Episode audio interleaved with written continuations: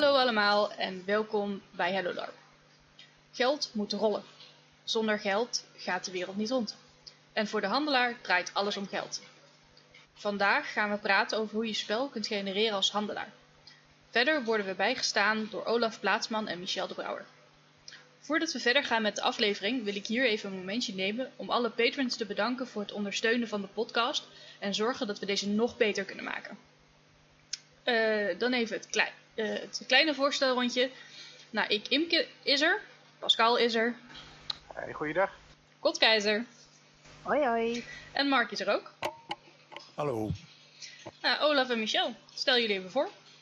Hoi, ik ben eh, Michel. Ik ben eh 40 jaar, ik werk in de petrochemie. En als projectengineer en als LARP eh, heb ik een aantal rolletjes weggezet als eh, handelaar. Uh, altijd heel fijn om daar een, s- een spin in het web te zijn. Ja, goedenavond. Ehm, mijn naam is Olaf, 29 jaar jong. Ik eh, larp ondertussen al een jaartje of vijf. En ik speel eh N of NPC vast bij onder andere Mark Den, Ravenskeep en Divine Consequences. En heb daarnaast ook gelarpt bij QON eh, fase 3 eh, en onder andere Booyah. En daarnaast ben ik ook spelleider bij Obelisk en Studio Apocalypse.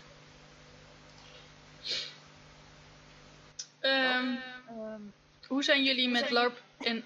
eh, eh, hoe zijn jullie begonnen met LARP? Eh, ik persoonlijk ben in aanraking gekomen, zoals de meeste LARPers, eh, via, via, via. Je kent iemand, die kent iemand, die kent iemand die LARPt. Ehm, in mijn geval was het een goede vriend van mij, eh, van waar ik woonde. Die was een keertje ook via iemand meegegaan om te NPC'en. En die kwam terug, raast enthousiast met doldwaze verhalen. En ik was toen al fantasy fan. Ik had zoiets van, nou, het kan ooit leuk zijn. Ik mee. Nou, kwam terug.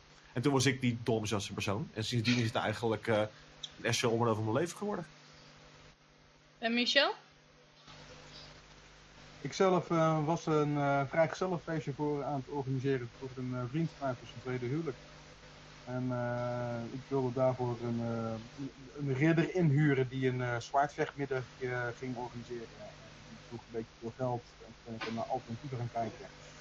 En toen kwam ik eh, via Christopher van de Balance kwam ik eh, in aanraking met LARP. En toen hebben we eigenlijk een middagje met uh, figuranten gedaan. En uh, ja, we zaten daar met vijf man en we zijn, daarna, we zijn kort daarop zijn wij naar het even, eerste evenement geweest. En samen met mijn maat Erik zijn we enigszins blijven hangen in de hobby, dus sinds 2012. Uh, wat voor rollen spelen jullie meestal? Dat is een vraag van onze luisteraars. De rollen die ik zelf speel, uh, is heel, is, was in het begin voornamelijk een, een vechtersrol. Uh, later uh, kreeg ik wat andere rollen zoals een lakai bij Revenski. Waarbij ik echt een naarling speel. Toen ben ik wat meer gaan focussen op het verdelen van spel. Want ik zag toch ook wel dat mensen best wel tekort kwamen in hun spel. En dan soms een ziel onder de arm rondlopen. Dus dat wilde ik eigenlijk wel voorkomen. En toen ben ik inderdaad een rollen gaan spelen uh, waarbij je dus geruchten gaat verspreiden. Zoals een, uh, later een barbier, uh, handelaar, zigeuner. Zoveel mogelijk geruchten horen. En met die geruchten ga je, ga je andere mensen prikkelen om dingen te doen. En jij, Olaf? Uh, ik kan inderdaad uit ervaring zeggen dat uh, de, de, rol van Michel op uh, Ravekeep erg naar is. Yep. maar maar dat vind ik ook heel fijn. uh, nou, ik zelf ik ben begonnen op Ravekeep en ik heb mijn eerste jaren hoofdzakelijk ritualisten gespeeld. Ik vind het hele ritueel aspect van LARP een van de meest gave dingen die er is. want, je, want je betrekt echt mensen uit allerlei spelersgroepen samen voor één groot doel. Dat vind ik echt heel gaaf om het dan ook om te leiden. Maar in mijn laatste paar jaren, naarmate ik wat meer ervaring opdoe, gaat mijn voorkeur meer uit naar rollen en dan voornamelijk NPC-spelen die echt locals zijn. Dus een soort van levende onderdelen van een setting als het ware, die ook echt lore en dingen spel in kunnen brengen waar ze zelfs hard voor gewerkt hebben. Want bij de meeste spelers kan het nog wel eens over hun hoofd heen gaan. Soms, hè, soms. En als NPC heb je een echt, echt een, een extra tuitje in de om het goed het spel te brengen. Dat vind ik echt super tof. En, en, wat vinden jullie nou het leukste of het raarste aan LARP? Ik zelf vind het uh, raarste aan LARP vind ik, uh, de open wereld die daar is. mensen vertellen elkaar van alles. En je weet eigenlijk al, uh, je ziet dat heel veel mensen zich ook best wel kwetsbaar opstellen, waardoor je eigenlijk hele diepgaande gesprekken krijgt. Dat weet je al een glaasje mede. Daar was ik helemaal niet gewend. Het leukste wat ik daarin is, is dat, dat geen rol te gek is. Ik bedoel, als ik mensen die niet in LARP zitten vertel zeg maar, dat ik een musketier ben en dat ik gevochten heb met graaf de Rushford, ja, fantastisch. Ja, het is inderdaad ook Mies zegt, de, de verhalen die je overhoudt zijn natuurlijk schitterend. Um, ja, het, het, het, raarste aan LARP, ja, en ook tegelijkertijd het leukste zijn sowieso het soort mens wat erop afkomt. Ik vind het echt geweldig om te zien. Ik vind het heel mooi dat het echt een slag mensen aantrekt met die creativiteit. Zowel geestelijk, maar ook als, ook als gewoon als in, in craften en dingen zelf maken en doen. En dingen bedenken gewoon heel erg hoog staat in het vaandel. En ik vind dat echt in de moderne maatschappij iets wat heel erg zwaar ondergewaardeerd wordt. Maar daardoor is ook, zijn de mensen ook vrij uniek, wat ook best wel handleiding vaak kan meebrengen. Maar dat is ook een uitdaging. Maar inderdaad, wat Michel ook zegt, het is, um, het is leuk. Verschillende rollen op die manier spelen. En je komt op een heel rare manier vaak als je speelt achter aspecten van jezelf. Waar je niet zo heel erg van af Dus het is ook een hele mooie manier van zelfontwikkeling, zeg maar, op die manier. Oh ja, ja. absoluut. Ja, dat klopt, ja. Dat hebben we ook uh, in eerdere afleveringen ook erover gehad, inderdaad. Van uh, ontwikkelingen wat mensen meemaken. Zeker als je gaat personages spelen, wat zijn eigenlijk iets wat je bent niet gewend van je eigen te spelen en dat soort dingen. En uh, we horen dat inderdaad steeds vaker van andere mensen. Die sturen ons berichtjes over de podcast of naar de podcast toe. Of die komen bij ons als gasten. Dus daar zijn jullie inderdaad geen uitzondering bij. Goed om te horen. Ja, zeker. ja, zeker. Je, je bent toch wel wat een beetje een verlengstuk van jezelf spelen, vind ik. Je, je, zult altijd wel een, een stepping stone nemen vanuit je eigen OC-leven om een personage op te bouwen. Maar je zult altijd toch een, een, een vorm van comfortzone hebben. Op die manier ja. ja, hoe je echt achter dingen van jezelf irriteren van, oh, ik wist niet dat ik dat kon. Oké, cool. Ja, want je pakt inderdaad iets wat je bent zelf uh, buiten het spel, dus OC juist, out of character, uh, bekend mee. Um, hoe staat dat bij jullie op het spelen van rollen wat jullie spelen? Gebruiken jullie eigen ervaringen uit uh, werk, eigen omgeving, buiten het spel om voor in het spel? ja, veel te veel. ik, ik, kom, ik kom zelf van de klantenservice achtergrond. Dus slap ouwe hoeren is wat ik op dagelijkse basis doe. en... Ja, dat weten we heel goed. Zeker als Ja, yeah. en ik merk heel erg dat dat gewoon een hele fijne vaardigheid is om te hebben. Omdat dode stiltes helemaal in LARP vaak de grootste dooddoener van een scène kan zijn. En ja, het is gewoon heerlijk. Het is heel fijn dat je die skill OC hebt. En het is, het is beter op zo'n skill dan IC uh, op een lager pitje te moeten zetten. Dan dat je een skill moet gaan uh, uppen die je niet hebt, zeg maar het pas ontwikkelen, ja. En hoe zit het in jouw geval, Michel? Uh, wat ik zelf heel erg meemaak is uh, dat ik, uh, ik heb bepaalde vaardigheden en ik ga best wel sinds ik mijn, mijn huwelijk voorbij is, daar ga ik best wel weer een diepe, diep bal. Waarbij ik heel veel dingen voor mezelf aan het testen ben. dat betekent ook best wel dat ik personages heb waar ik zeg ik wil dat, die karaktereigenschap wil ik behoorlijk naar buiten brengen. Zo ben ik bijvoorbeeld Gaston gespeeld, zo'n echt het personage van Bell Dave, met de uitzondering dat hij, dat gewoon best een aardige vent is uiteindelijk. Uh, ik ben zo Narciso gaan spelen en dat is dan dat, die Lakaio Dreven Skiep die zo naar is. Ik wilde gewoon weten wat, wat dat met mensen doet. En ja, je krijgt een hele verschillende soorten feedback. Ja, dus je benadrukt eigenlijk zeg maar, jouw karaktereigenschap waar wil je aan werken. En dat probeer je uit in het zeer benadrukte, bijna extreme versie van tijdens de lab, toch? Ja, dat is correct. En uh, ik, zie, daar hele mooie dingen in terugkomen. Echt van dat als mensen inderdaad een beetje gaan zitten ego-boosten, zeg maar, dat op zich best geaccepteerd wordt. Alleen uh, op een gegeven moment zijn mensen het beu. En het zijn juist die reacties die gegeven moment oké, ik ben nou die grens benaderd dat mensen het beu raken. Oké, dan moet ik stoppen. Moet ik zijn. Net daarvoor. Net ja, dat is inderdaad wel een leuke en uh, natuurlijk altijd een hele aparte uh, ervaring om dat te meemaken. Want je zoekt namelijk die grenzen dan bewust op ook. Dus dat is ook weer een hele leuke als je dat hebt in de gaten. Ik merk het nou in het dagelijks leven. Hè. Als, eh, als ik eh, inderdaad mensen beginnen uh, te vragen van god is hoe larp, weet je wel, dan komen de verhalen los. En dan let ik heel goed op lichaamstaal of mensen inderdaad ontvankelijk zijn voor het verhaal of juist niet meer.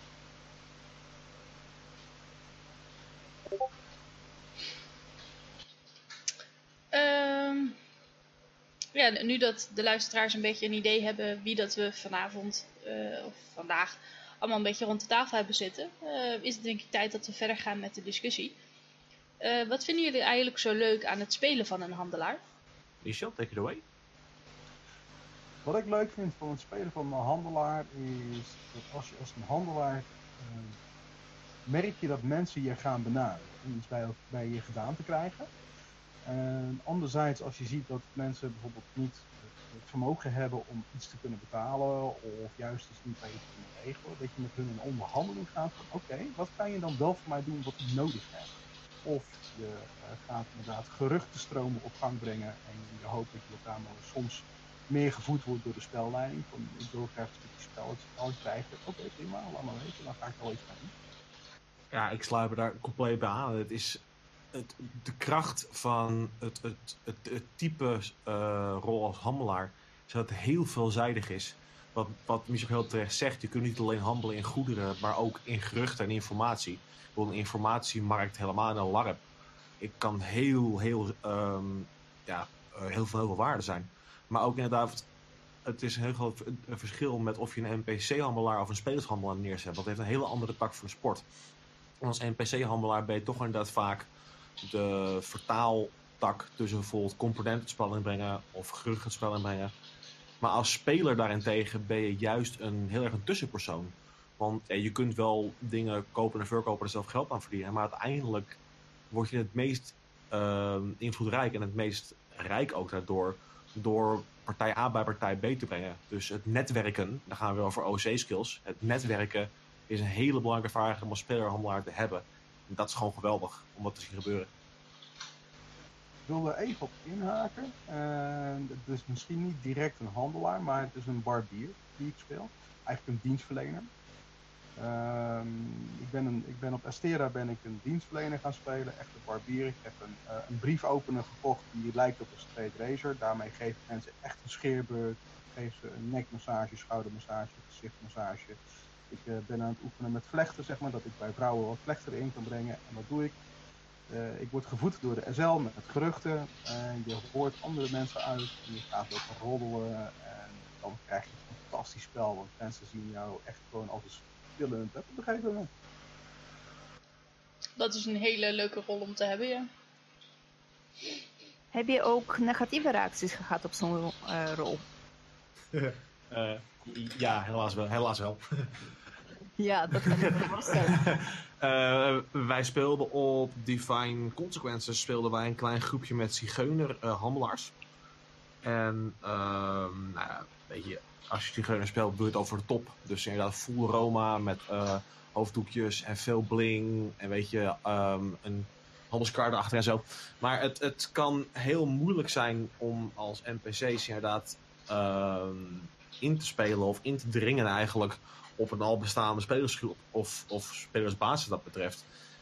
En ja, je merkt toch dat niet al wat iedereen er even, even gehaakt, gehaakt op is. Helemaal als je als NPC-handelaar het spel in komt en er zijn spelerhandelaren, die kunnen zich heel gauw, uh, uh, moet ik zeggen, aangevallen voelen, omdat ze echt voelen dat je een beetje hun vaarwater in komt.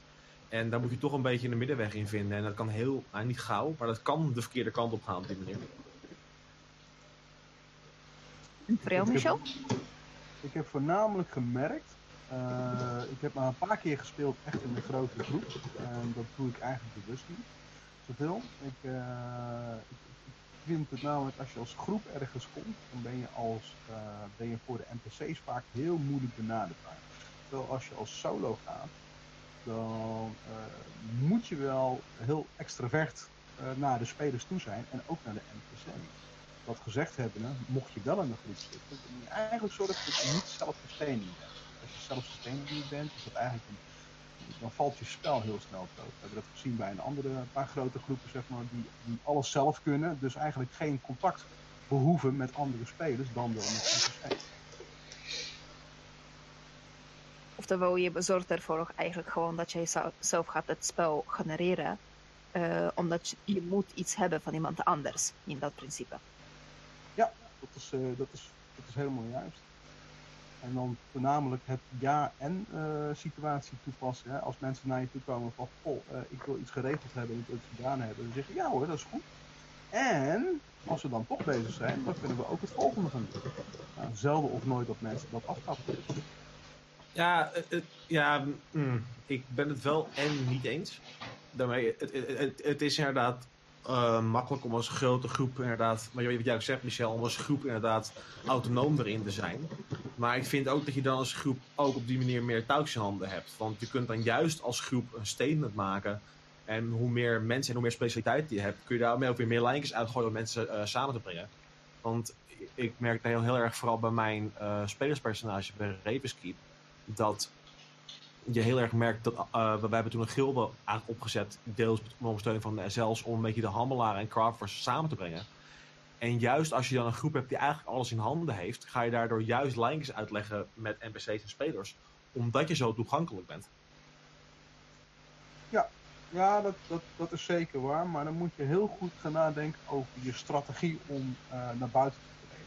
Want het is, uh, het is als groep om heel makkelijk jezelf af te zonderen en uh, je eigen spel te gaan spelen. En als je dat niet wil, en zoals jij dit met, met gilden, wil je eigenlijk dat zoveel mogelijk mensen naar je toe komen. Dat kan je alleen maar bewerkstelligen door zelf een heel uh, een uittredend uh, beeld te geven. Ja, zeker. Zeker. Maar in principe is dat niet alleen specifiek voor handelaren het geval. Dat is voor spelersgroep het algemeen, denk ik. Eens. Uh, nou ja, uh, een van onze luisteraars, Jeske, die heeft aangegeven dat zij juist op de balance een groep van acht handelaren spelen. Uh, en dat zij juist veel meer contact hebben met de NPC's dan de spelers. Uh, een mogelijke factor kan daar natuurlijk bij zijn dat spelers een beetje geïntimideerd zijn. maar zij zijn ook wel echt actief bezig om mensen op te zoeken om dingen te handelen. Maar niet alleen in-game uh, dingen als uh, zilver of, of, of, gunsten of wat dan ook. Maar ook gewoon bondjes die mensen OC bij zich hebben. en daar, waarvan ze dan zeggen dat ze die recent nog van een dier af hebben gehaald. Het, het maakt hun verder niet uit, zolang het maar handel is. En op die manier leg je wel contacten. Ja, ik ken de spelersgroep waar ze het over heeft. Uh, misschien dat jij dan iets kan zeggen over de intimidatiefactor. Ja, de spelersgroep waar zij het over heeft, is een groep die uh, binnen een setting een, een, redelijk deel van de, van de, van de spelersgroep inneemt. Ik ga er even. Vergeet me even, maar ik dacht inderdaad een mannetje of 8, 9 wat er, wat er zit. En er zitten een paar mensen die er langzamerhand ook veel bij zitten. Wat ik voornamelijk opval is dat die, dat die groep redelijk autonoom is. En ik zelf speel op het evenement ook als onderdeel van een groep mee, dus dat deed ik eerst. We waren meer een, een huurlingengroep en we hadden bewust gezorgd dat wij dus bijvoorbeeld ons panzer niet zelf konden repareren. Waardoor je dus verplicht bent om meteen tussen de mensen te gaan zitten. Uh, zoals ik hun vanaf uh, buitenaf ervaar, vind ik het een groep die autonoom is, die wel uh, bezig is met plot, maar helaas uh, voor een aantal spelersgroepen die er nog meer zijn, want het zijn allemaal kleinere groepjes, heel slecht benaderbaar. Het, het, zijn wel de nieuwe karakters, hè? Oké, okay, ik, ik, ik, ik, ga even niet afgelopen balance, maar de balance daarvoor, zeg maar. Want dat is een grote groep. Daar zaten bijvoorbeeld Sebas uh, en, en, was, er, was er ook onderdeel van, zeg maar. En daar, daar merkte je daar uh, ja, toch wel een bepaalde beslotenheid binnen die groep. En dat was misschien niet de bedoeling, maar zo ervaarde Ja, dat zijn dus de oude karakters inderdaad. Ja. Dan heb je hun nieuwe groep waarschijnlijk nog niet meegemaakt, kregen wij nu te horen. Nee, dat zal inderdaad niet. En ik, uh, daar, daar, daar kan ik inderdaad ook niet over meepraten.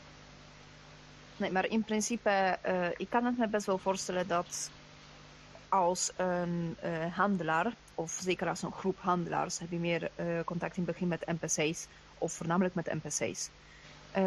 NPC's zijn karakters die horen het spel te genereren. En als spelers zien andere mensen, ook al weten ze of weten ze niet dat het een NPC is, aflopen op de handelaars, iets bespreken met ze, iets bij hen kopen, iets afhalen, heb je kans dat de spelers gaan ook vaker erop af.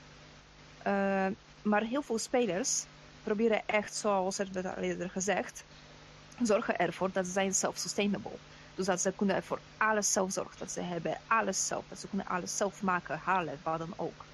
En ik heb gemerkt bijvoorbeeld, uh, want ik speel dat soort karakters helaas vaak, mm, call it a character flaw, uh, dat het komt best wel lastig om contacten te leggen met de uh, handelaren. En het is niet zozeer omdat ze zijn niet zo makkelijk benaderbaar, maar gewoon je hebt ze niet nodig. Hoe kunnen jullie zoiets oplossen als jullie spelen, handelaars? Oftewel, hoe maak je jezelf uh, nodig? Long story short. Ja, ja. Olaf, wil jij daar iets op zeggen? Uh, ik heb niet heel veel op aan te merken, want het hangt heel erg af. Toch inderdaad, je bent helemaal als je als een klein groepje of als één persoon bent, je blijft een speler. Dus je zal nooit als een speler uh, in je eentje een complete meta van een setting op kop kunnen gooien. Maar weet je, het is net als OC-economie. Je moet zelf je vraag en aanbod creëren. En dat kan goed schrikken of kwaad schrikken. Als jij inderdaad gewoon um, de setting gaat analyseren, eerst half evenementje en denkt, hmm, dat is hier nodig. Ik zie niet heel veel kruiden verzamelen mensen. Kruiden. Hmm. En op die manier kun je zelf gat naar de markt vinden. Of je kunt de agressieve kant op gaan. Een paar huurlingen om de arm nemen en zeggen, hé, hey, die, die kruidenier daar, hè. Ja, laat iets verdwijnen. En op die manier maak je je eigen monopolie. Dus, dus ik denk heel erg dat jezelf nodig maken ook een kwestie is van zelf markt creëren ervoor. Oh, sterk punt, ja.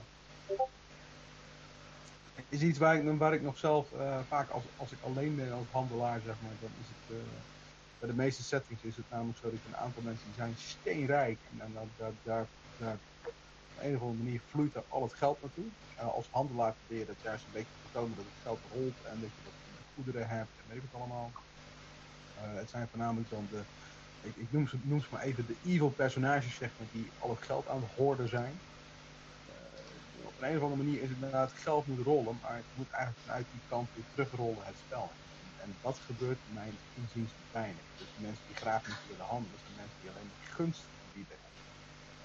Ja, maar in principe heb je dan als handelaarspersonage wel het, het ideale doelwit. Als jij, weet je, kijk, en uh, naar sommige mee te gamen, als jij IC gewoon een beetje gaat porren van ja, wie hier, wie is er rijk? Wie heeft, wie heeft er veel spullen? Weet je, als IC bekend is dat, dat Henkebert, de, de, de tovenaar, weet je wel, 5000 componenten in zijn achterzak heeft niks mee doet. Nou, dan, weet je, dan ga je je, je loslaten, want die heb je natuurlijk als handelaar. Weet je, en dan heb je meteen een perfect doelwit te pakken om daar zoveel mogelijk uit te slaan wat terug het spel in te brengen. En als NPC is het helemaal gemakkelijk, want dan bespreek je met de SL's. Luister, we hebben een probleem van hoarders. Want inderdaad, ik ben met je eens, Michel.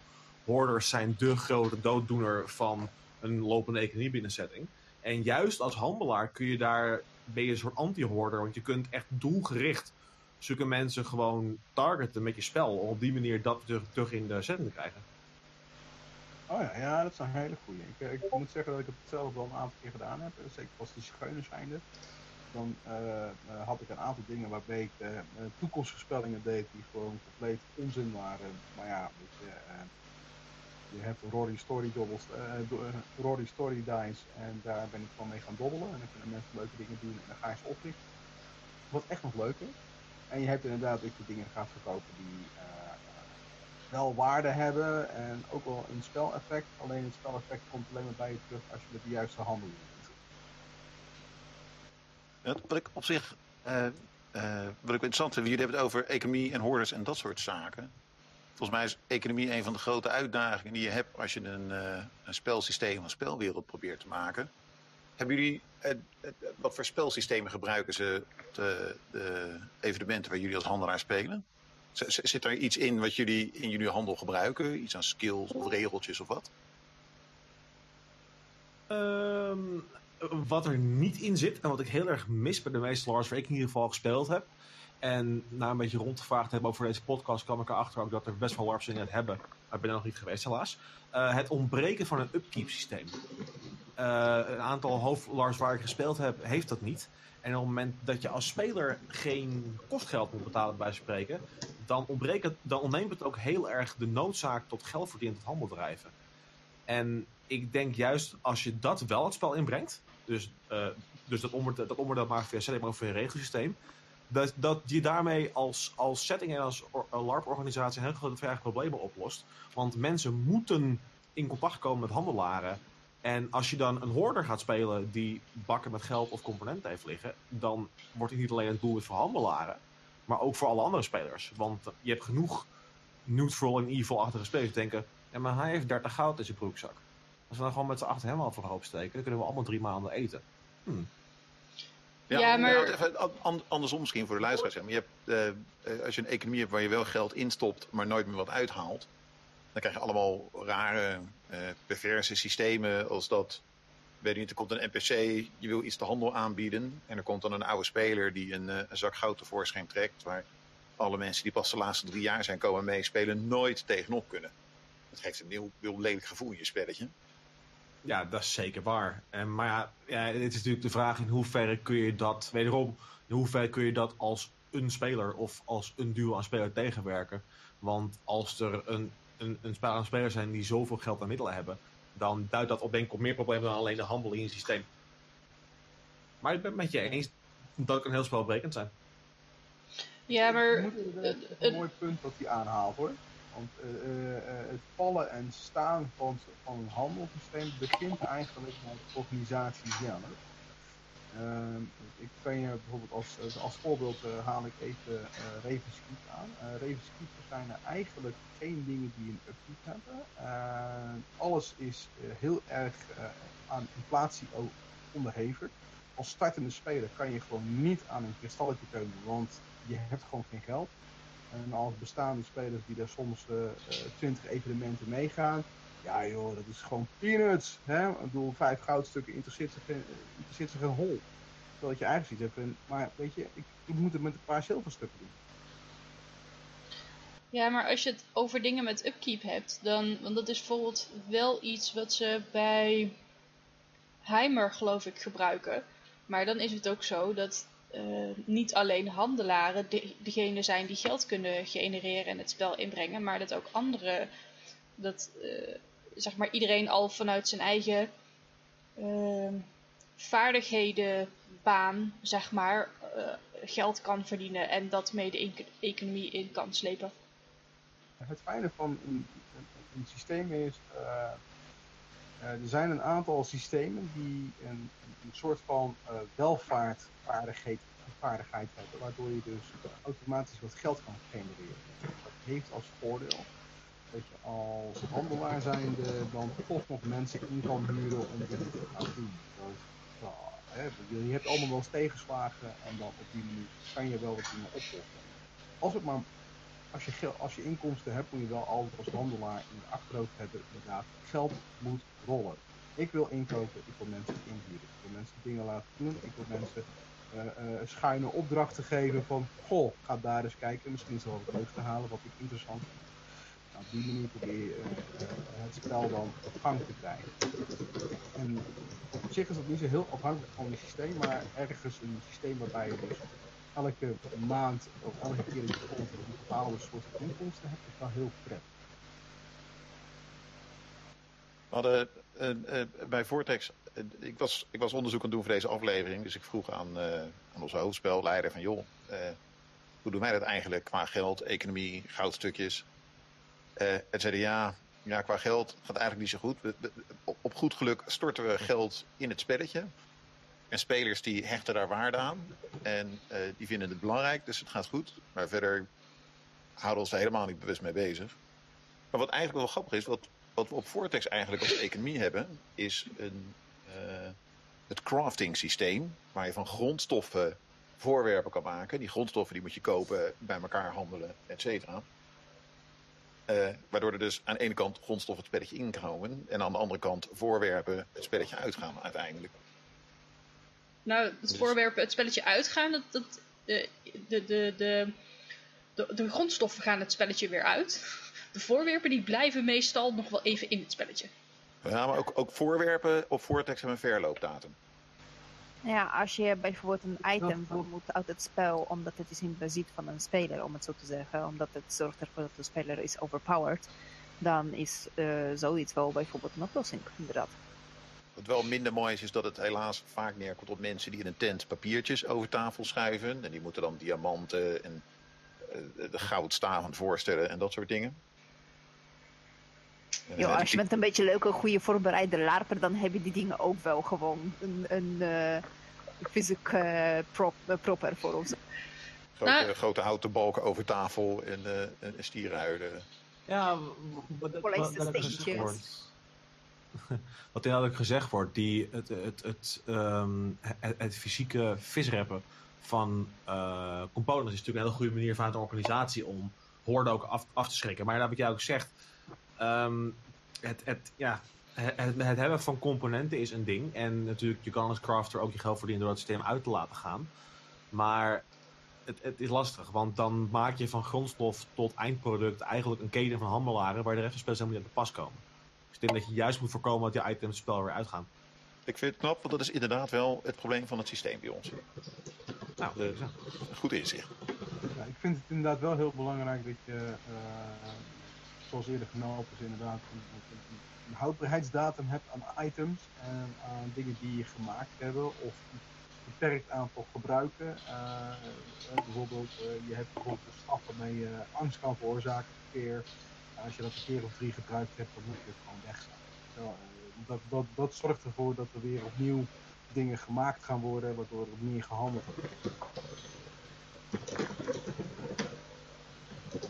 Helemaal mee eens. Ehm, wat, ik, eh, wat, wat ik me even afvroeg is, als handelaar kun je natuurlijk handelen in geld, maar je kunt ook handelen in gunsten.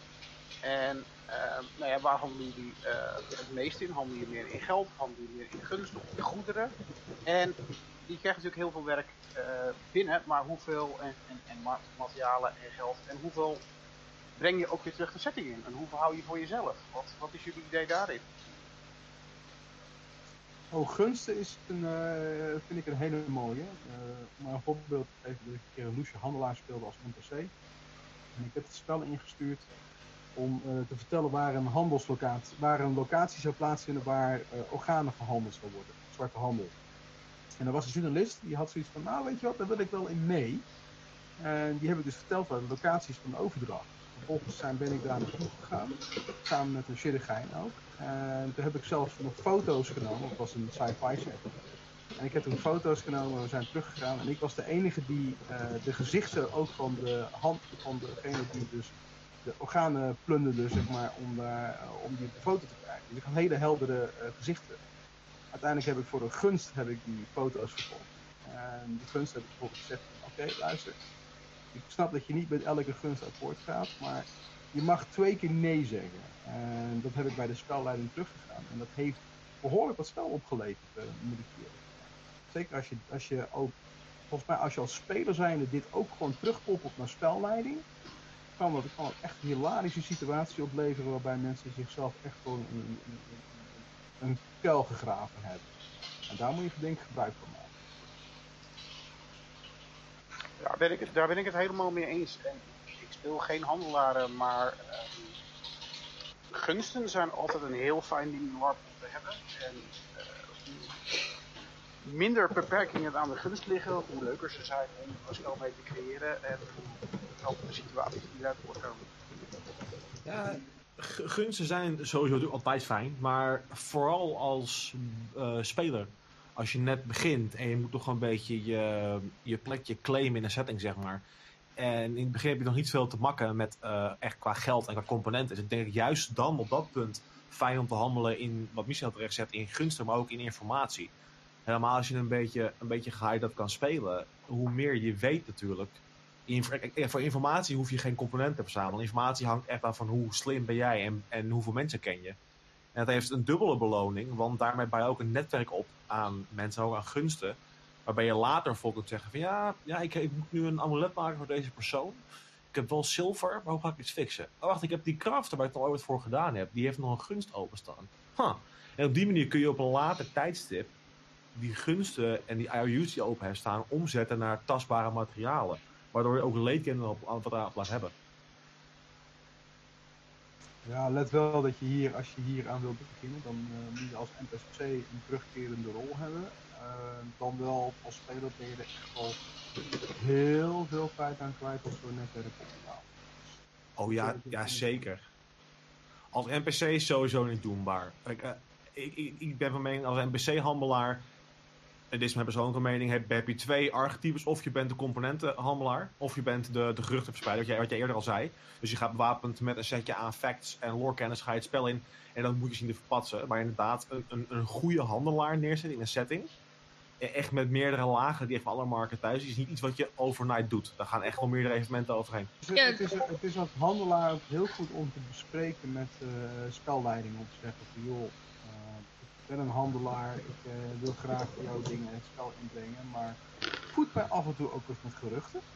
Je? Dan wel via NPC's en ik dat moet betalen. Maar als je dat een beetje voor elkaar krijgt, dan krijg je een klein steuntje in de rug voor jezelf. En zelf zijn we blij dat je een hoop uh, lore en spel ja, teweeg brengt en genereert. Ja, Olaf, jij had het net over uh, dat je als handelaar ook kennisvaardigheden uh, mee het, het, spel binnenstapt. Uh, kunnen jullie iets zeggen over wat goede, slechte, leuke manieren zijn om een handelaarspersonage in elkaar te zetten, waarmee je ook zeg maar gericht op dat spel genererende? Ja, zeker. Ja. Um, vanuit een SL-perspectief sprekende mijn grootste liefde ligt bij spelers die naar me toe komen en zeggen: Yo, luister, ik wil, een, ik wil een handelaar of een craftsman spelen, maar ik wil dingen weten. Geef mij dingen om te gebruiken.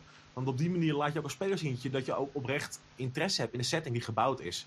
En ja, het, ik, ik, denk zelfs nog dat als je echt een, een wat je het net over hadden, op lange termijn een essentieel personage wil neerzetten, dat iemand die kennisvaardigheden heeft, daarin veel dynamischer is. Want je, hebt, je, je weet dingen. En dingen, kijk, kijk, kennis is iets wat je houdt.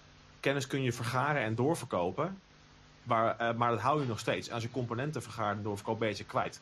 Dus kennis helemaal lange termijn iets waar je veel maar kan hebben. En dat is gewoon, ja, in ieder geval, dat, vanuit een RL-perspectief, is het iets wat heel gaaf is. Je kunt die spelers gebruiken als springplanken voor zo ongelooflijk veel dingen binnen je setting. En dat is zo ongelooflijk fijn is dat. En heb je het hier dan bijvoorbeeld ook over de, de X-factor waar Ravenskeep mee speelt? Uh, dat kan. Dat kan. Uh, uh, de X-factor op Ravenskeep is, is, iets heel dynamisch. De, inderdaad, de meeste um, gaan een extra vaardigheid of een extra uh, ability of een, of een klein, inderdaad, een klein flavor ding. Maar er zijn zeker ook mensen die hun X-factor um, vanuit roleplay perspectief gebruiken. Uh, om een voorbeeld te geven, mijn handelaar die ik gespeeld heb um, op Ravenskeep had uh, een rijkdom uh, één niveau hoger dan het maximum. Dus in plaats van drie goud, vier goud. Maar zijn tegenpool was dat hij um, een, een, soort compulsie had om aalmoezen uit te delen aan mensen die hij armer zag. En in het begin was dat gewoon een leuk quirk, weet je. Ik gaf hier inderdaad koperstukken uit. Maar op een gegeven moment merkte je ook daardoor dat mensen ook dachten van, oh, ik kan bij hem geld halen. En dat was juist in het moment van de setting dat geld een belangrijk ding werd. Dus mensen gingen ook informatie verzamelen en kwamen daar ook mee naar mij toe. Om dat aan mij door te verkopen. En toen besefte ik, maar wacht even. Ik heb nu meer kennis dan, dan handel. Dan kan ik best goed hiermee aan de bak gaan. Dus dat is wel echt, ja, het, werkt niet bij iedere setting. Maar als je een goede ondersteuning van je, van je team hebt en van je setting, kan dat heel gaaf zijn. Ofwel jouw, jouw, jouw X-factor met een dubbele inkomstenboost. Uh, ja en nee, want ik uh, gooi ook de helft van mijn geld weer over de balk. En dat was ook weer de andere kant, wat in overleg bij de zelfs gebeurd was. Er moest ook meer geld op het spel in, maar bij de juiste personen. We wilden niet nog meer geld hebben bij de mensen die al 5000 goud hadden. Dus ik, ik werd juist op pad gestuurd om die, die hoekjes te zoeken waar weinig geld te makken was. Om daar geld en informatie het spel in te duwen. En op die manier favor en reputatie te vergaren. Wat zich op later tijd weer uitbetalen. Heb, heb je het nu over het uh, personage wat tijdens de afgelopen Ravenskeep dood is gegaan? Of in ieder geval is gevlucht? Nou, nou, de auto is groot. Gevlucht, hè? Gevlucht, oké. Hij zit momenteel als politieke gevangene in een ijzelfenkamp buiten Edessa, maar daar hebben we het verder niet over. Gevangen, hoor. Ja, hilarisch. Dat is fijn, iets gemist? Ja, je, jij hebt inderdaad gemist, Michel. Dat was een goed verhaal. Maar, eh, ja, maar die inderdaad, ja, ehm, meneer Molenaar. De naam eh, doet eh, vele mensen sidderen van afgunst en sommigen eh, breed glimlachen. En heb je, is jouw nieuwe personage ook weer een handelaar? Ja, op een rare manier. Ik wil er niet te veel over kwijt, want het is nog niet echt algemeen bekend. Maar mijn, waar we het over hadden, mijn nieuwe personage is meer een handelaar in kennis en feiten. Mijn nieuwe personage gaat heel oud zijn. En in overleg met de SL die zit, hebben we ook overlegd om bepaalde lore-facetten die door de jaren heen in de setting een beetje eh, vergeten geraakt zijn, om die weer een beetje het leven in te wekken. En daarvoor natuurlijk, in ruil daarvoor, in spel dingen terug zien te krijgen. Dat wordt dan een interessante type van handelaar, want het is al bekend eigenlijk. eh handelen met informatie brengt heel vaak veel meer gevaar met zich mee. Eh, nou ja, jullie hebben het over natuurlijk leuk eh, fout op een leuke manier of wat dan ook handelaar neerzetten. Maar ik zit me af te vragen, eh, hebben jullie bijvoorbeeld meegemaakt dat bij handelaars spelen, zijn er meer gevaren wat jullie hebben meegemaakt? Is er bijvoorbeeld, hebben jullie zoiets van, ja, ik word hier zeker overvallen of dat soort dingen? Nee, eerlijk gezegd niet. En als ik dan wel überhaupt een dreiging voelde, dan was die dreiging sowieso aanwezig. En dan huurde ik wel een paar goons in, zeg maar, om te zorgen dat mijn veiligheid gewaarborgd werd. Oké, dus jij ging daardoor ook weer een beetje eigenlijk spel genereren van, hey, ehm, ik wil jullie nu inhuren voor bescherming van mij. Uiteraard. Het kan toch niet zo zijn dat ik eh, straks eh, mijn handelswaren kwijt ben aan een stelletje thuis en boeven en schurken. Dat gaat er niet worden natuurlijk. Dat is Ja. wel een hele goede oplossing. Wat was de reactie van de personen wat je daarvoor inhuurde? Eh, heel verschillend. Ehm, er zijn personages die inderdaad zoiets hebben van, ja, weet je, ik weet niet of ik daar wel zin in heb. Ik, eh, ik zit maar even te, terug te graven naar een situatie waar ik eh, in, bij Amphibion mee eh, terecht ben gekomen. Daar speel ik een dwerg, een, een, een dwerg van hoge status, die eh, eh, eh, wel een, eh, zo'n mannetje weg kan zetten als het gaat om knokken, maar niet heel veel. En dan een, grote hamer. Maar hij heeft ook nog eens een keer dat hij eh, handelscontracten probeert te maken vanuit de, dwergenbergen waar hij eigenlijk verschanst zit met zijn familie. Maar de menselijke wereld, eh, verschillende provincies. En op een gegeven moment had ik echt zoiets van, oké, ik moet met een of andere eh eh, loesje eh, handelaarsgroep, en achteraf bleek het een criminele organisatie zijn, moet ik eigenlijk daar naartoe. Vervolgens heb ik gewoon er eentje gezegd, weet je, eh, hier heb je een aantal, eh, eh, hier, je twee zilver. Ik wil dat je vanavond gewoon mijn bodyguard bent en voor de rest helemaal niks anders. Ik wil echt instat voor mijn veiligheid. En dan zie je dus dat er een bepaalde dynamiek ontstaat tussen de schurken en zo iemand die dus echt jou moet gaan helpen en weet dat je tegen een mag. Maar dat is zo fijn. Ja, wat Michel zegt, ik, ik, ik applaudisseer, kan alleen applaudisseren. Want je hebt heel gauw als je fighter archetype speelt, helemaal in settings waar multiplayer niet echt een ding is, dat op het moment dat je niet aan het vechten bent, eigenlijk een beetje met je handen in, in zakken zit. Dus je, je zit eigenlijk een beetje te- dippen en een beetje te ouwe hoeren totdat de volgende battle komt. En ja, wat Michel zegt, op die manier geef je dat soort spelers echt een perfecte ja, zijbezigheid eigenlijk om op die manier ook geld te verdienen. En waar we het eerder over hadden, op die manier eh, betrekken ze ook heel erg ehm, eh, in, het spel. Ehm ehm, w- we hadden het al aangehad, afgelopen evenement was mijn eh, laatste op Ravenskeep als mijn eh, spelershandelaar. En ik kwam er inderdaad eh, aan het begin van het evenement achter. ik had mijn characters ook aangevraagd bij het spelleidingsteam op de zondagmorgen. En ik kwam ik achter op het evenement dat ze me erbij genaaid hadden en op vrijdagavond mijn gezocht man gemaakt hadden. Inclusief one post in plaats van kamp en zo. Superleuk. Dus opeens, opeens werd, werd ik voorvluchtig. Dus ik had toen gelukkig al vrij veel geld te makken. En ook vrij veel contacten al. En we hadden een huurling company in Ravenskeep. De, de Veenlijn. Een eh, Vaanlijn. in- Of ook al wel de Vaanlijn of de Vaanlijn genoemd. Die een, eh, Voor de Ranja-krijgers. de Ranja-krijgers, inderdaad. Ja. Eh, een groep reenactors die een Groelingen speelden daar. En die eigenlijk inderdaad niet heel erg ehm, ja, die er eigenlijk waren als ingehuurde vechters. En wat Michel ook zegt, eigenlijk niet heel veel te makken hadden op een paar hier en daar een paar dingen na. En ze hebben natuurlijk ook wel eigen spel, want ze staat ook regelmatig in de plaatselijke bar. Maar ik had zoiets van, ja, weet je, ik heb geld. Zij hebben heel veel lichamen om voor mij te zetten. Sure. Dus ik heb op een gegeven moment halverwege de zaterdag echt vier of vijf man daarvan ingehuurd. Letterlijk, wat Michel ook zegt, als lijfwacht van blijf bij me in de buurt. Want ik weet dat er huurmoordenaars en mercenaries op zoek zijn en beschermen. En dat heeft ze echt, voor zover ik weet in ieder geval, de hele dag gewoon een tof spel gebracht. Ze hadden altijd wat te doen. Inderdaad. Dat is, gewoon gaaf. Huur, huurlingen, huurlingen inhuren in, uh, in fantasy setting is een van de tofste dingen die je kunt doen. Ja, dat je als, als handelaar alles gewoon uh, uh, over, moet overwegen is inderdaad, waar moet het geld naartoe? Het moet eigenlijk niet naar andere handelaren, het moet naar spelers toe die niks te maken hebben. Nou, de meeste krijgers zitten inderdaad van, ja, het is mooi, mooi vervelend dat ik een krijger speel, ik kan mijn panzer niet eens repareren. Je moet eigenlijk zorgen dat die mensen juist aan de gang blijven. En als je dat doet, dan komt het eigenlijk bij de juiste handen in de juiste handen toe.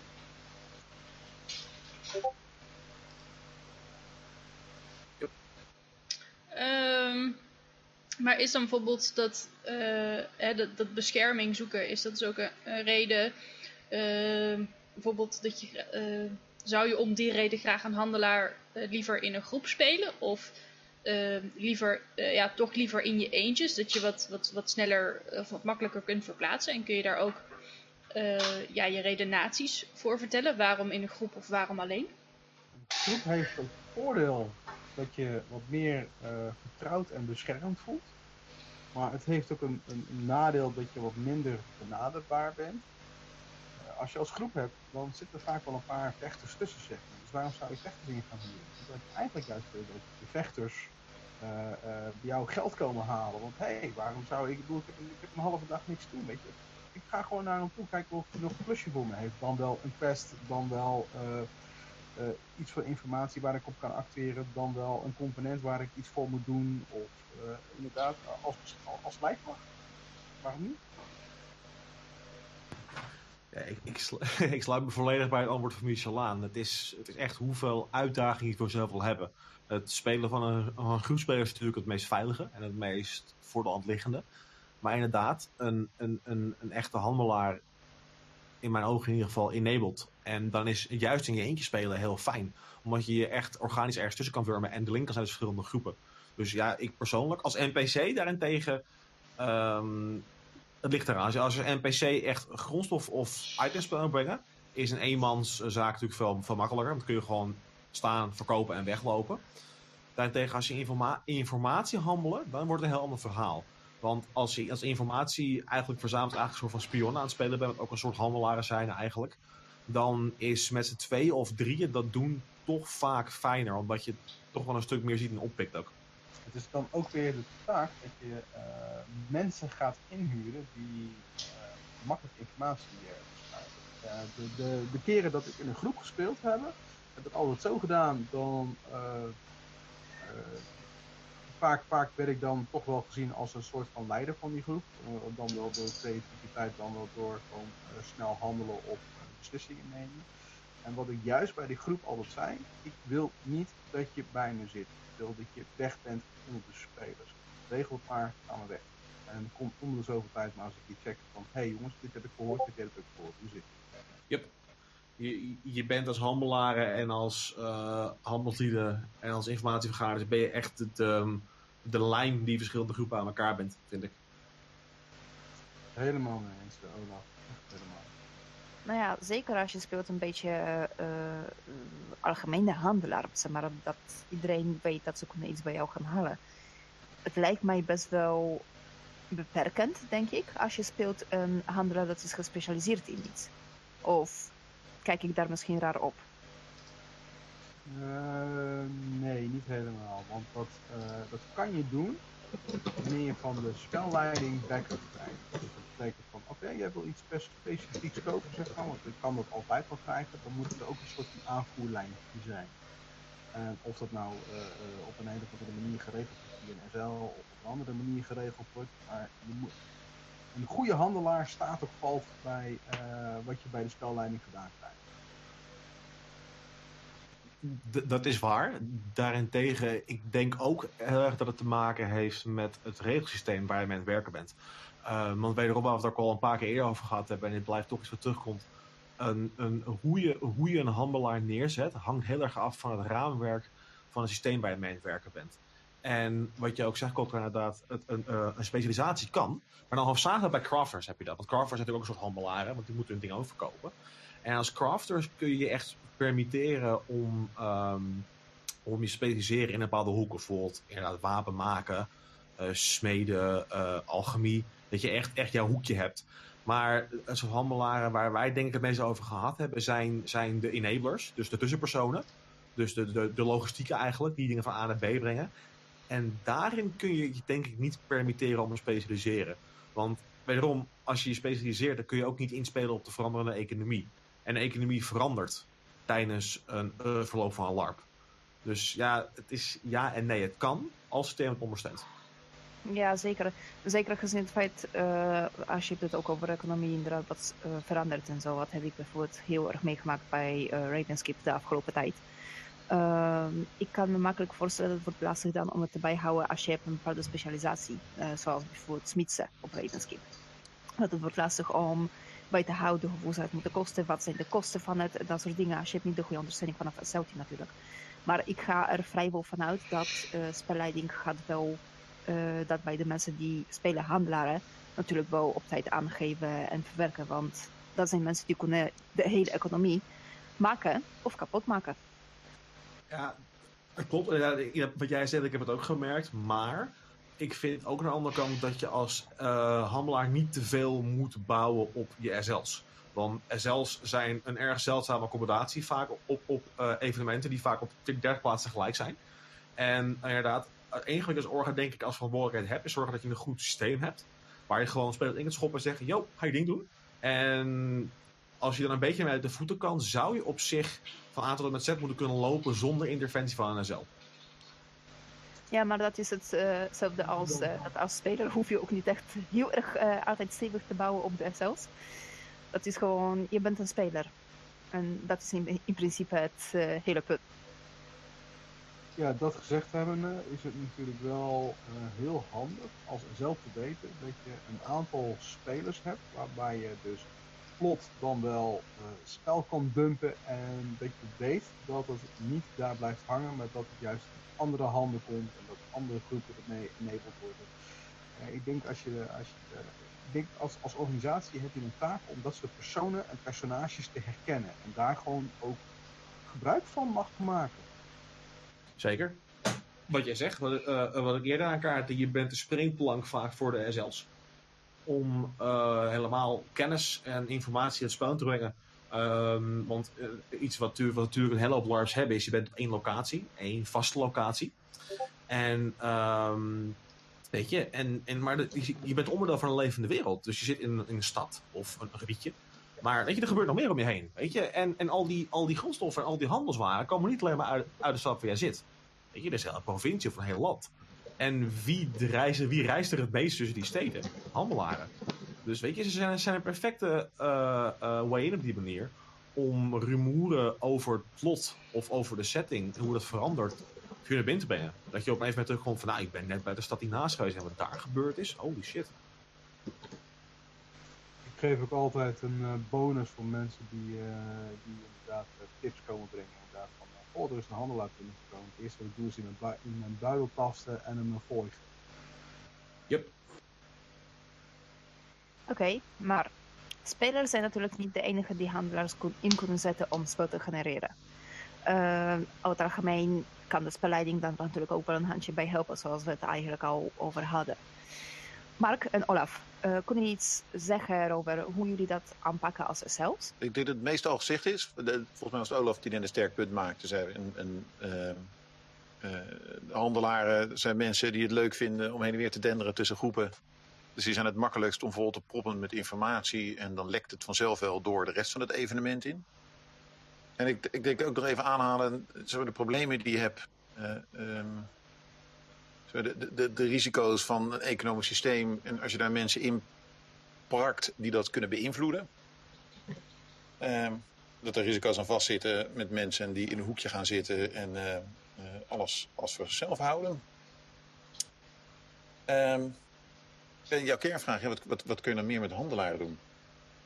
Hoe kan ik ze inzetten om spel te genereren buiten wat al gezegd is? Help me even, Olaf. Wat, wat doen we dan? Ehm, het, ehm, wat ik heel erg eh, gemerkt heb, en inderdaad, wat ik ook zegt, Mark, we hebben het meestal al besproken. En ik denk ook inderdaad dat het iets is wat ik zowel als SL's, maar ook als spelers tegelijkertijd merkt. Maar wat ik al gemerkt heb, is dat handelaren ook de perfecte ehm, manier zijn om een iets, iets om een gevaar of een, of een negativiteit of iets die in het spel, in te brengen. Als jij schaarste wilt creëren van een component, uh, dan is het een kwestie van zeggen tegen je handelaren: dat component, uh, ijzer, ja, sorry man, uh, in downtime is de ijzermijn van de buren ingestort. En er is geen ijzer meer in het gebied. Dus succes. En oh, ja, dat is klassiek. Ja, ja, ja. En, jouw handelaar komen dan het spel in met: Oh, we moeten iets doen. Er is geen ijzer meer. We kunnen de wapens niet meer repareren. En op het moment dat je die, die handelaar niet hebt, dan moeten de spelers maar bij toeval achterkomen of via een andere MacGuffin dat het op is. Dus, je, of weet je, er is droogte. Uh, wat, er, is, er is droogte al maanden in je setting. Er is geen voedsel meer. Kijk, als speler, en daar hebben we het weer, we hebben weer over. Als je geen kostgeld hebt en geen upkeep voor je spelers, dan zal de spelers een rotzorg wezen of er droog is, ja of nee. Maar als jij duidelijk maakt aan je, aan handelaren: yo, luister, er is droogte, de oog is mislukt, er is geen voer. En als jij dan als orga uh, duidelijk aangeeft uh, aan het begin van je evenement: jongens, er is geen voedsel. Uh, jullie moeten nu voedsel gaan, gaan inslaan voor de downtime. Anders begin je het evenement na op, op halve hitpoints. En gaat je max hitpoints omlaag. Ja, dan worden je, dan worden je spelers, die handelaren spelen, opeens centraal.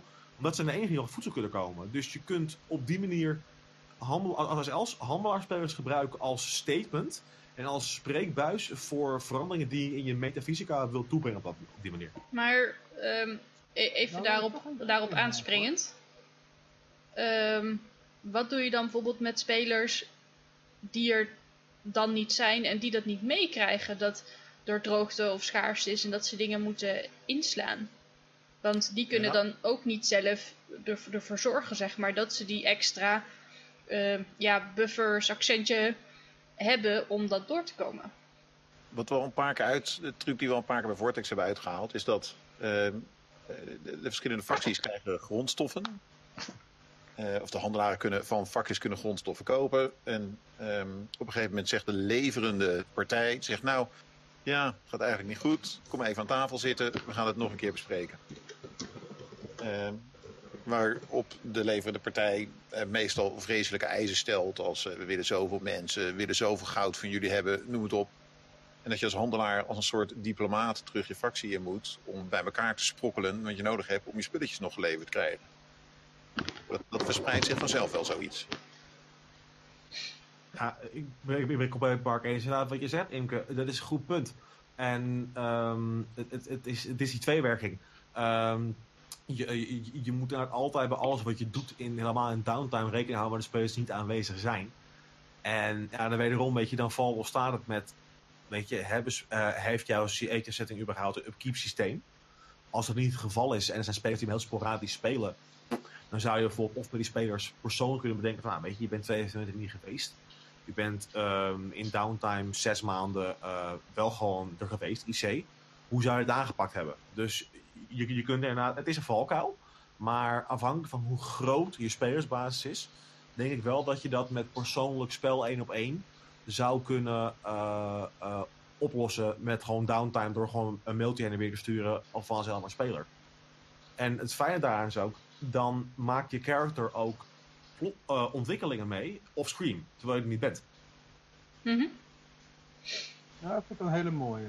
Hoewel ik me wel even in wil haken op het systeem. Uh, ik weet namelijk vanuit Post-Appelpop. Dat is een, een post-apocalyptische uh, setting. En daar hadden ze ook dat mensen een aantal voedselpunten in moesten leveren. En dat kon vlees zijn. En moesten waterpunten inleveren om te zorgen dat je gezond bleef. En toen hadden ze een tijdje in het systeem zitten. En ik weet het niet helemaal, want daar was ik namelijk niet bij. Maar die hadden het op een gegeven moment over van ja, dat ze dus eh, vijf voedselpunten in moesten leveren en drie waterpunten. Mensen die daar niet aan kwamen begonnen inderdaad op half hitpoint. En uiteindelijk draaide het hele spelletje om, om, om, om die voedselpunten bij elkaar te krijgen. Waar ze op een gegeven moment zoiets hadden van ja, misschien moet het anders doen als je het, uh, het belonen dat die voedselpunten wel ingeleverd worden en daar bijvoorbeeld een extra buff van te krijgen.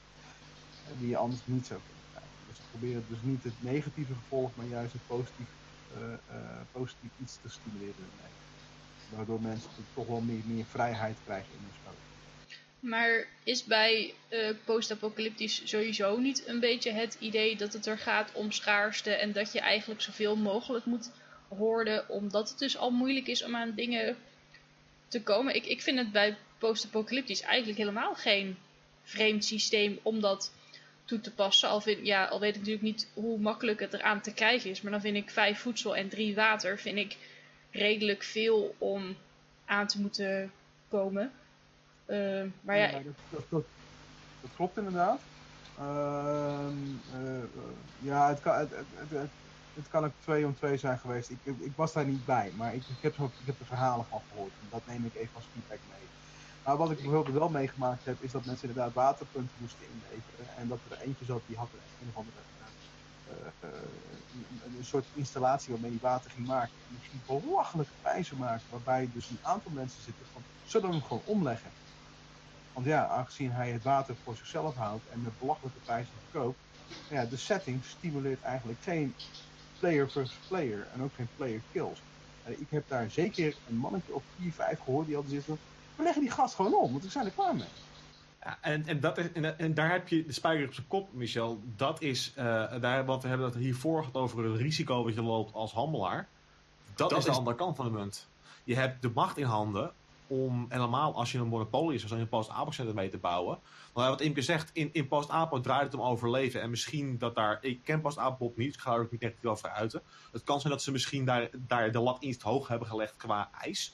Maar het idee dat je voedsel en water moet verzamelen is heel reëel. En als jij nou als, want ik neem aan dat deze, deze guy een speler was die die waterinstallatie had, of niet? Ja, ja, ja, ja precies. Ja. Dus, uh, ja, als speler. Dus dan heb je de touwtjes in handen. En als je dan inderdaad zelf exorbitante prijzen gaat vragen, dan, ja, dan, zou, dan moet je niet, inderdaad niet erop kijken als paar mensen van. Kunnen die gasten gewoon ergens in een ravijn gooien en ze, en dingen jatten? Die makkelijker. En wat je zegt, op het moment dat je een upkeep systeem gaat maken, dan ga je een vraag creëren in een markt. En we vragen een aanbod. En dan zullen er altijd mensen zijn die zoiets hebben van. Ik kan het ook gewoon uit iemand slaan. Maar aan de andere kant, want we hebben net inderdaad, want uh, Imke zei heel terecht, wat doe je met spelers uh, die er niet zijn? Uh, ik ben heel erg grote fan van het plakken van downtime perks aan bepaalde vaardigheden. Um, stel, um, jij bent een crafter, dan krijg jij per x tijd aan downtime zoveel inkomen. stel, jij bent vechter en je hebt dus geen handelsvaardigheden, kun je zeggen, uh, ik, wil, ik wil een centje bijverdienen. En dit wordt dan wel heel erg meta, want je gaat dan in, in downtime uh, eigenlijk uh, calls maken voor spelers. Kun je bijvoorbeeld zeggen, als, als nou, je, je gaat op um, ik zeg gewoon wat, en je hebt een 50-50 kans dat je of het lukt of niet lukt, en dan bijvoorbeeld met één hitpoint meer terugkomt. Dus je, kunt er ook positieve dingen aan vastplakken door mensen te stimuleren om dat zijn vaardigheden te nemen. En als je meer handelaren en carvers in hebt, wordt er ook economie levendiger. Ja, het kan natuurlijk twee kanten op. Hè. Ik bedoel, je kan als handelaar zeggen van nou ja, weet je wel, ik, uh, ik, ik huur een vechter mee in, en, uh, daarin. En daardoor is de kans dat mijn uh, operatie of mijn missie zeg maar, in mijn downtime gewoon slaagt wordt groter. Waardoor je weer een andere vechter inderdaad een kans geeft, waardoor je meer inkomsten hebt. Maar het is wel een stukje micromanagement. Dat betekent wel dat je dus wat, wat kleinere settings kan je er heel goed mee wegkomen. De grotere settings, ik even de reefskip uitkomen, een grote setting is dat bijna ondoenlijk. Ja, zeker. Is ook zeker niet doenbaar voor alle settingen, inderdaad. Maar waarom is het eigenlijk bijna niet te doen voor in een grotere setting? Nou ja, op zich, uh, um, ja en nee. Um, het, het, ligt eraan of het onderdeel van je systeem is. Want het zou kunnen werken als je bijvoorbeeld in je regelsysteem zegt: heb je een handelsvaardigheid? Sure. Op niveau 1 krijg je zoveel koper. 2 heb je zoveel, koper. Dan wordt het een, geautomatiseerd systeem. En dan kun je het ook bij, bijvoorbeeld bij grotere evenementen, zoals bijvoorbeeld bij een Vortex, kun je het doen. Maar op het moment dat je dat niet hebt en je moet inderdaad per speler gaan bespreken, wat Michel ook heel terecht zegt, dan wordt het wel bij grote schaal heel erg werkintensief voor zelfs ook in downtown, denk ik. Ja, oké, check. Dat snap ik inderdaad, want ik kan me best wel voorstellen dat het verschil tussen, uh, laten we zeggen, je hebt 50 spelers waarvan je moet dat bespreken met 20 spelers. Dus een grote verschil versus je hebt uh, 300 spelers waarvan 100 hebben dat.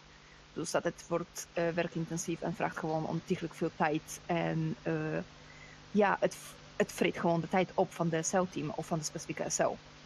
Dus dat kan ik me inderdaad bij voorstellen. Ik zit me wel ergens af te vragen, want jij hebt het nu bijvoorbeeld over een automatisch systeem. daarmee kan je makkelijk ook spel creëren, denk ik.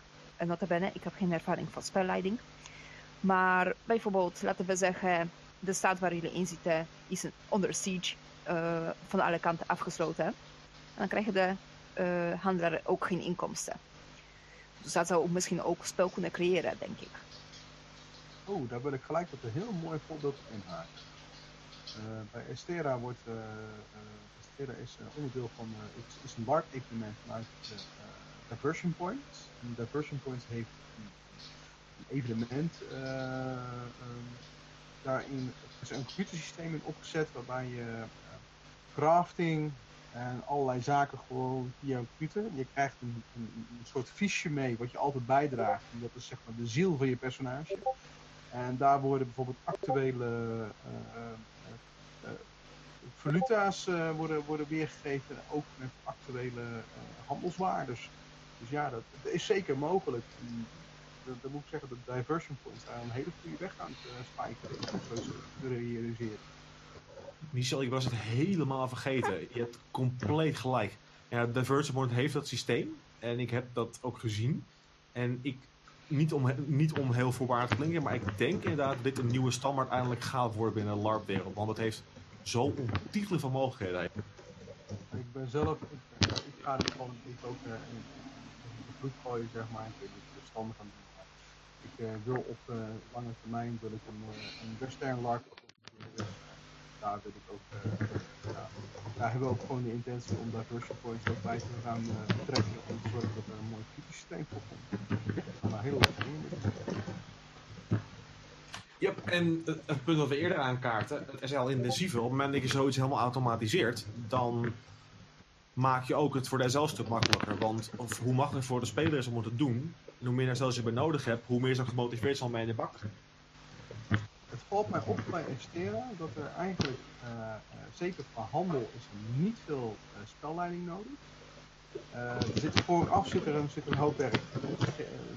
Dus, dus, de, de zwaartepunt van het werk verschuift van het evenement weg naar de voorbereiding.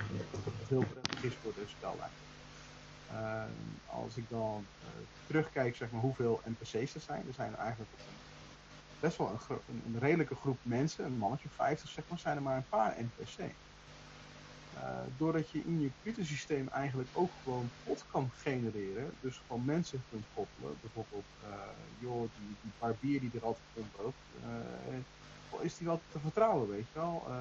of, of is juist die handelaar die daar zit, nou ja, volgens mij heeft hij een alcoholprobleem Als je dat een beetje met elkaar koppelt, dan heb je ook steeds minder NPC's nodig. Maar dat is een iets ander verhaal. Dat, dat dan van, van topic af. Maar en dat geeft zo'n computersysteem dan mee.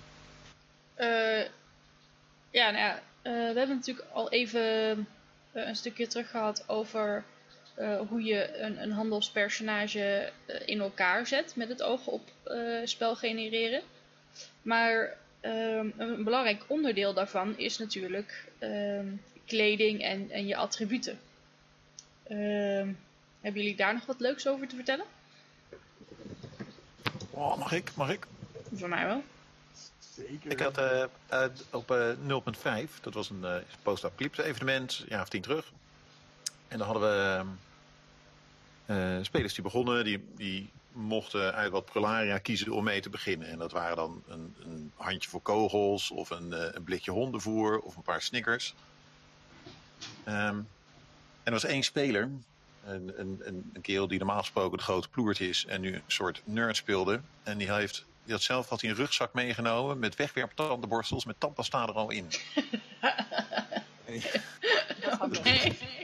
Die, die- die dingen werden een soort, eh, een soort sigaretten in de gevangenis, zeg maar. Dat mensen met tandenborstels begonnen te ruilen. En dat je te pas en te onpas mensen met een tandenborstel in een bakker zag staan. En dan ergens op de achtergrond die grote ploert die dan Snickers stond weg te werken. Of op een blik hondenvoer aan het rammen was. Ja, weet je, dat, dat is ook een goede tegenwerking tegen al het suiker wat je dan naar binnen krijgt met al die sneakers en snoep. En je gaat binnen uit je bek ik, ik denk dat Mark daar echt bij de spijker op zijn kop slaat. Ehm, memorabelheid. En herkenbaarheid. Eh, ja, als je in, in, die- in die geval de handelaar dan inderdaad zo'n zo'n gimmick hebt waarbij iedereen meteen denkt, dat is die guy. Maar inderdaad ook, want, je, want Inke had het over de outfit. Ja, weet je, bij een handelaar is het, echt zoiets van hoe meer over de top je kan zijn, hoe beter. Want niets schreeuwt, ik heb geld, als idioot grote sieraden, eh, eh, kleurrijke felle kleding, dozijnen aan pouches en crap die om je hebt hangen. En uiteraard, wat altijd herkenbaar is, een enorm grote hoed. En dat is helemaal een truc als de, de, de, de crap die je eigenlijk mee hebt, eh, al die buideltjes, dat het allemaal eh qua kosten helemaal niks is. Hè, de OC-kosten. Dat mensen het ook gewoon, dat je het ook gewoon kan gebruiken als handelswaar. Precies. Dingen in bulk inkopen, zodat je ook op die manier, zelf, ook al heb je dan niks qua, qua geld. Weet je, als jij als handelaar eh, voor je evenement naar een, naar een thriftshop of een, of een, ehm, een grillwinkel gaat, wat ik twee eventen lang gedaan heb voor mijn handelaar. Je, je neemt een tientje mee, je gaat de- de 5 cent afdeling in en je komt met de meest idiote troep thuis. En als je daar een leuk babbeltje hebt bij, bij te bedenken in je spel, en je hebt één zak aan zooi bij je, heb jij anderhalve dag aan spel, waar je voor de rest helemaal niks voor nodig hebt. Money well spent noemden we dat. Zeker, goede investering. Ehm, ja, van eh, Jeske kregen we eh, de tip dat voor een handelaar sieraden natuurlijk ook echt een prachtig middel zijn eh, om te hebben. Eh, ook omdat je die dan vervolgens kan gebruiken om weer te verhandelen. Hè, de, zeker de, de Gypsy Romani club is dat natuurlijk echt een ding. Want die, en zo heb je natuurlijk ook nog de oudere gypsies die eh, natuurlijk goud aan kettingen hadden en die vervolgens weer gebruikten om, om te handelen. Dat was überhaupt hun, hun betalingsmiddel. Maar ehm, zij, zij had die, eh, ja, nog OC sieraden, had ze eh, IC ook gewoon echt in het spel liggen, in de IC-tent liggen en die gebruikte ze gewoon om IC mee te verhandelen. Ja, heb ik ook gedaan. Ik heb een, op een gegeven moment een, een, een- zigeuner had ik een viskoffertje. had ik vol met eh, kleine meuk zitten. Dat ging van eh, stukjes chocola eh, tot een, een, glaasje mede of dan wel port of andere meuk. eh, weet je wel, wat we bij, bij de, bij de Prolaria shops allemaal weg kunnen krijgen. Dan had je een hangertje wat uiteindelijk eh 10, eh 10 eh, voor, voor 1 euro 10 van die hangertjes met een touwtje eraan, zeg maar. Dat een fantastisch spul waar je mee, mee kan stoeien. Ehm, en ik geloof dat Kotka ook nog een ander idee had hierover, namelijk eh, daadwerkelijk echte steentjes gebruiken. Ja, klopt. Ehm, ik heb regelmatig, nou ja, heel veel mensen weten dat van mij. Ik ben een tikje obsessief verzamelaar van half edelstenen en edelstenen. En eh, in dat principe heb ik gewoon een aantal van heel gebruikelijk, zoals amethyst en dat soort dingen, eh, meegenomen. Gewoon het spel ook ingegooid, als, eh, gebruikt als betaling. Onder het nom, ja, ik heb geen goud of geen koper, zilver. Maar ik heb deze edelsteen. Misschien, moet je misschien is dat iets waardevols voor jou? En dat wordt regelmatig aangenomen. Maar omdat het zijn natuurlijk ook OC edelstenen, mensen herkennen het meestal wel, geef ik ook OC daarbij altijd aan van, joh, die mag je daadwerkelijk houden, die mag je zoals OC houden of weer inleveren eh, met het, eh, bij de afmelden van het eh, LARP. Maar dat je het weet, het is prima, ik hoef hem ook niet terug. Dus eh, er is bijvoorbeeld een heel grote kans dat als iemand krijgt een ja, amethyst of dat soort dingen in zijn handen op Ravenskeep, dat die was vanuit mij gekomen, het spel in. Maar Dat ehm, is wel heel gaaf, maar ook een dure aangelegenheid. Dat valt mee. Eh, zoals jullie het ook hadden over het aankopen in bulk. Hè? in mijn geval, ehm, ik maak geen geintje. Ik heb gewoon potten vol aan dat soort steentjes.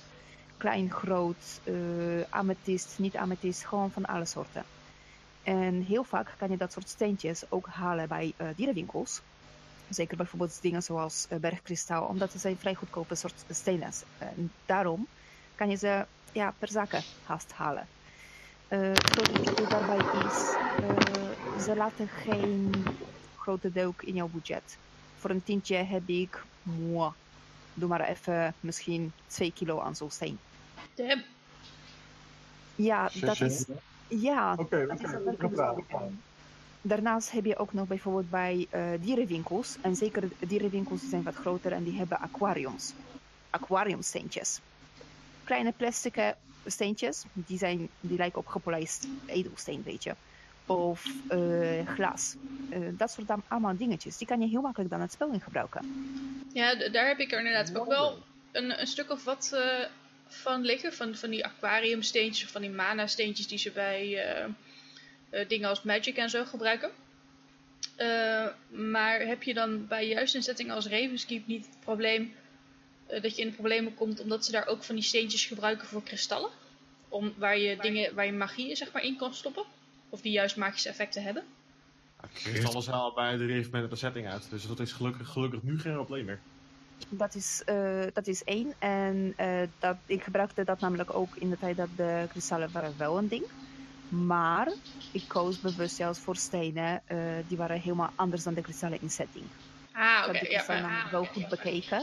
En ik wist dus wat ik kon wel doen, wat niet. Ik bedoel, kristallen waren meer ruwe type van stenen of van glas of van plastic, weet ik niet meer precies. Wat ik koos voor waren overduidelijk natuurlijke stenen. Ja. Ja, die heb ik ook nog echt hele bergen liggen. Dat gooi je zo'n zo, zo blikje, dat, dat, dat, dat, dat, een doosje. Er zitten een aantal van dat soort steentjes in verschillende maten en soorten, zeg maar. En ik geloof dat ik daar een tientje uit, uitgegeven heb. En ik, ik heb duizenden van, van, van die maffe steentjes. Klopt. Maar, maar, maar, maar, maar. We hebben het nu uh, over de aankleding. En inderdaad, je kunt uh, dingen in bulk inslaan. En natuurlijk ook de fysieke dingen die je neemt als handelaar is natuurlijk gaaf voor aankleding en voor show. Maar het belangrijkste aan aankleding, denk ik, is vooral hoe je je poppetje neerzet. En dat is natuurlijk bij een hele hoop rollen aan de basis essentieel wat voor personage je neerzet. Maar we hadden het uh, wederom, we hebben het weer over, over die dandelborstelhandelaar. Um, hoe mensen moeten jou onthouden. Mensen moeten, als ze één keer bij jou gekocht hebben, een evenement of een dag of twee evenementen laten denken. En die guy waar ik toen dat zwaard gekocht heb, zou die nog rondlopen? En niet dat je handelaar 24 bent met een leuk bekkie en een, en een geldbuidel. Dus weet je, bij een hoop rollen is sowieso, als je het doet, doe het dan over de top. Maar ik denk dat het bij handelaren dubbel zo hard geldt. Want als je memorabel bent en iemand na twee zinnen al zoiets heeft van... Right, jou vergeet ik niet meer. Ook al is het op een negatieve manier dan nog steeds weten ze wel jou te onthouden. Ja, ben ik helemaal mee eens. Ik heb het zelf gedaan als de barbier. En uh, uh, gelukkig uh, was Frank daar een, een, hele mooie enabler van mij in. Ik speelde als de barbier en ik kwam eraan dat ik inderdaad mensen kon scheren en massages kon geven. En ik had echt zoiets van, nou, dat gaat, dat gaat niet van de grond komen. De eerste avond dat ik er zat, echt zoiets van, ik heb één klantje. Nou, dan moet ik het mee doen, weet je wel, voor de rest van het weekend. Uh, s morgens vroeg uh, uh, om tien uur werd ik, rolde ik, was ik klaar met eten. Ik zet mijn bord weg en dan kwamen ze al langs. Hé, hey, ik hoorde dat je een goede massage gaf. wil je misschien toch even een massage geven? Ja, sure. Uiteindelijk heb ik, heb ik van, de, van de in totaal 60 mensen die op dit hele evenement zijn, zeg maar, heb ik er volgens mij 35 in mijn handen gehad. Ja, zeg dat. Dat is gaaf. Weet je, je, je reputatie en je persoonlijkheid snelt je vooruit gaat het mond op mond. En mensen zeggen, ja, die guy, ja, die, die masseur, daar moet je heen, man, dat is gaaf. Of weet je, die, die, die man daar, daar, die met die hoed, die weet dingen, met hem moet je praten. En dan, weet je, en dan wordt je eigenlijk je spel van reputatie vergaren, wordt er andere mensen voor je staan. En dat is natuurlijk wat je wilt. Hey, nou, nou hoor ik jou heel mooi zeggen over uh, informatie vergaren. Nou, mijn, mijn hoofd is wat dat betreft alle gaatje. En uh, ik ben uh, wat dat betreft, als, ik, als het gaat over plottechnische dingen, zeg ben ik best wel slecht dingen onthouden. Heb je van mensen tips om dat wel op te kunnen slaan, zeg maar? Jazeker. het is heel simpel. Wat je ook in, in real life doet. Ehm, hou een administratie bij. Klinkt saai. Uh, maar ik heb drie evenementen lang met een kasboek rondgelopen. Waarin ik sowieso al mijn kopen en verkopen administreerde. Maar ook alle informatie die ik had um, opsloeg. En natuurlijk, als je setting dat toestaat, is het natuurlijk in een taal doen die je kent en niet veel voorkomt. Dat je in geheimtaal kunt doen. Maar dus dat, schrijf dingen op. En als je het echt niet lukt, eh, zeg maar, het, je hebt echt iets van, het gaat me echt niet lukken. Wederom wat we eerder zeiden, dan ga je op zoek naar een persoon die wel dingen, heeft, dingen weet. Zeg maar, de guy in de setting die informatie heeft en zegt, hé, hey, jij weet een hoop. Ik kan dingen goed verkopen. Laten we samen gaan werken. En op die manier heb je eigenlijk al een handelsverdrag binnen een half uur.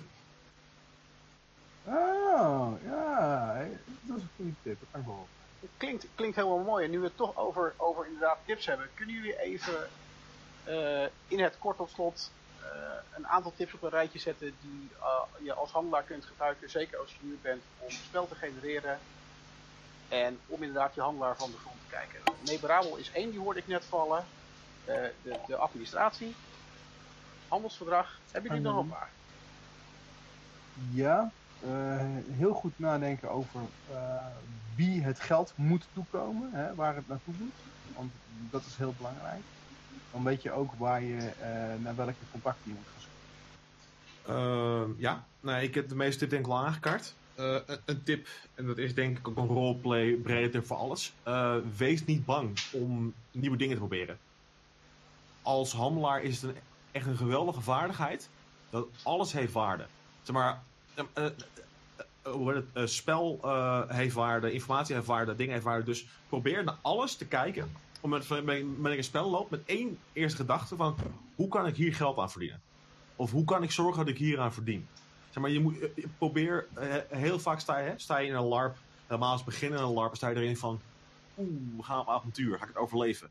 Weet je, weet je, je, staat er in een andere houding. Je, staat er vanaf, vanaf definitie in. Ik ben een handelaar, helemaal als je geen vechtvaardigheden hebt ik wil niet voor mezelf vechten.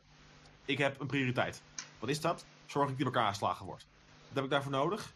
Wat Michel terecht zei, huurlingen. Hoe kom ik eraan? Ik heb geld nodig. Hoe kom ik aan geld? Hmm. De, je, je, hele prioriteitenpatroon handelaar ligt essentieel anders dan als een quote-unquote normaal LARP-personage. Dus dat is echt de tip die ik kan meegeven. Ja, inderdaad. Hele goede Ola. Ja, en voor de rest, have fun. Ga over de top. Wees, uh, wees excentriek. Wees leuk. Uh, wees herkenbaar. felle kleuren. Um, een gek stemmetje. Als je, als je, als je een, een, oh, voor mij nou. Als het roleplayen moeilijk is, probeer één personage quirk te nemen. Echt één quirk en probeer die uit te spelen tot het in het extreme. Dus, dus een bepaald accent, of een bepaald loopje, of een bepaalde houding. Maar wederom hebben we het over herkenbare gehad. Als je met één zo'n ding begint, dan is dat onderdeel van je personage. Dan werk je, merk je voor zelf of wel niet werken. Dan kun je daar kun je uitbouwen. Nou ja, ik denk sowieso uh, herkenbaar zijn is gewoon heel handig voor een handelaar. Want anders gaan mensen jou gewoon niet kunnen vinden. Let's face it.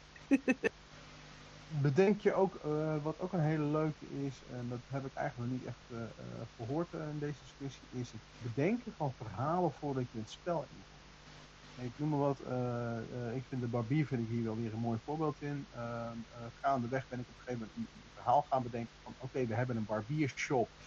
En ik ben naar een ander gebied toegestuurd om een nieuwe barbiershop op te zetten.